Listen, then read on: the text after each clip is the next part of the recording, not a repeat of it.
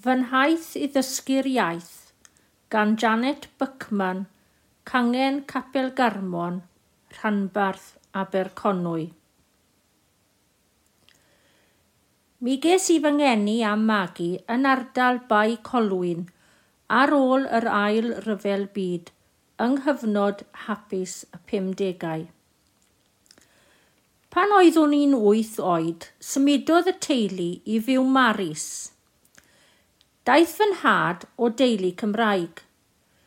Roedden nhw i gyd yn ddwyieithog, yn medru siarad, darllen ac ysgrifennu mewn ffordd ardderchog yn y ddwy iaith. Pan oedd fy mam yn oedoli'n ifanc, daeth ei theulu hi o Loegr i Landrillo yn Rhos. Ond teulu ei nain ar ochr ei mam yn, yn wreiddiol – o Sir Flint. Pan o'n i adra, Saesneg oedd yr iaith. Ond Cymraeg fyddai nain y taid yn ei siarad pan oedden nhw ar ben eu hunain. O gwmpas bai colwyn a Llandudno, mi glywais i bobl yn siarad Cymraeg. Ond dim cof o'i clywed yn siarad y miw Maris. Yn y ddwy ysgol gynraedd, ges i bron dim Cymraeg. Dwi'n cof dwi cofio ysgrifennu Nadolig Llawen a Blwyddyn Newydd Dda ar gardiau bob blwyddyn. Ond yn un ar ddeg oed, mi ges i sioc ddiwylliannol pan symudodd y teulu i Lan Rwst. Roedd y Gymraeg ym mhobman. Roeddwn i'n poeni na fyddwn i'n gallu gwneud ffrindiau, gyda'r mwyafrif yn siarad Cymraeg fel mamiaeth yn yr ysgol ramadeg. Ond edrychais ymlaen at gael y siawns i ddysgu iaith y maes chwarae. Doedd na ddim problem dallt yn y dosbarthiadau. Roedd pob dim yn cael ei ddysgu drwy'r Saesneg ond ges i sioc fawr pan nes i'r dosbarth Easy Welsh, a phopeth yn cael ei ddysgu drwy'r Gymraeg heb yr un gair o Saesneg. Mi o'n i'n, mi o'n i'n disgwyl gael help, ond na. Dywedodd yr athrawes wrthai, sit there and do something else. A dyna roi diwedd ar fy ngwersi Cymraeg ar y pryd. Yn 1968, nes i symud i Loegr am flwyddyn i fod, ond aros am 40. Cyn i mi ddod yn ôl i Gymru, penderfynodd fy merch symud yma efo'i theulu ifanc a dewis anfon ei phlant i ysgol Gymraeg er mwyn sicrhau eu bod nhw yn medru deall yr iaith. Be allwn ni wneud i helpu'r plant a fi?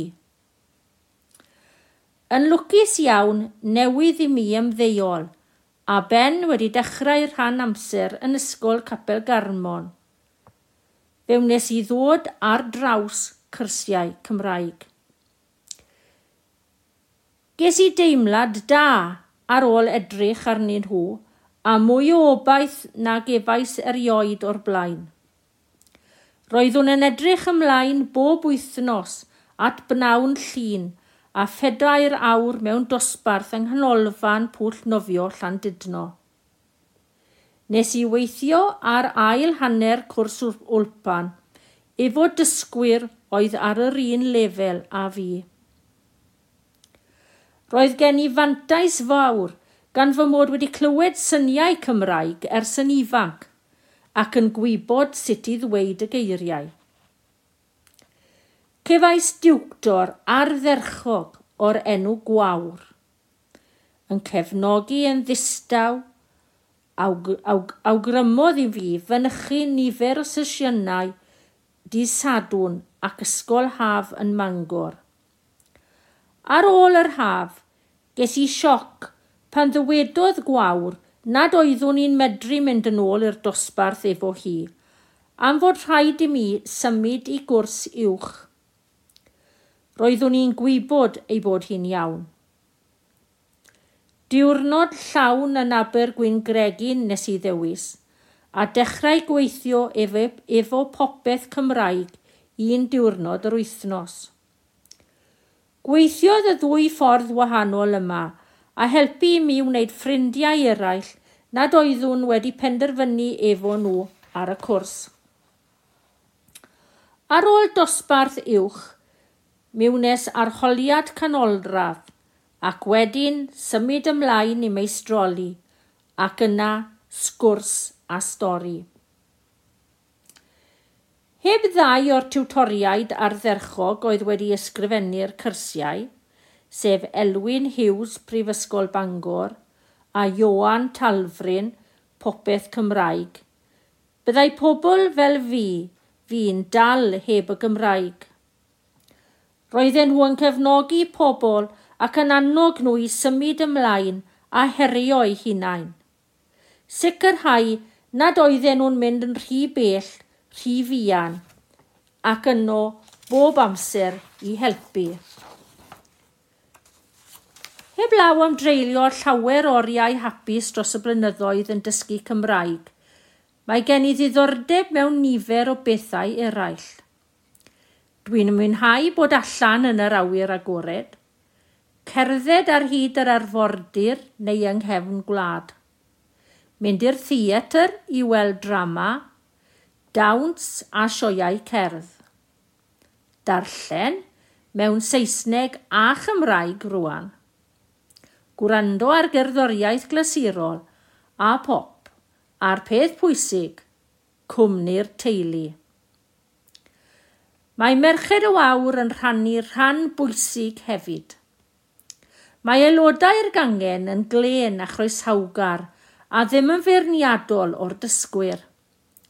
Dwi'n mwynhau bod yna bob tro. Mae'r gangen yn lwcus hefyd i gael Marian, un sy'n llawn egni a brwdfryder.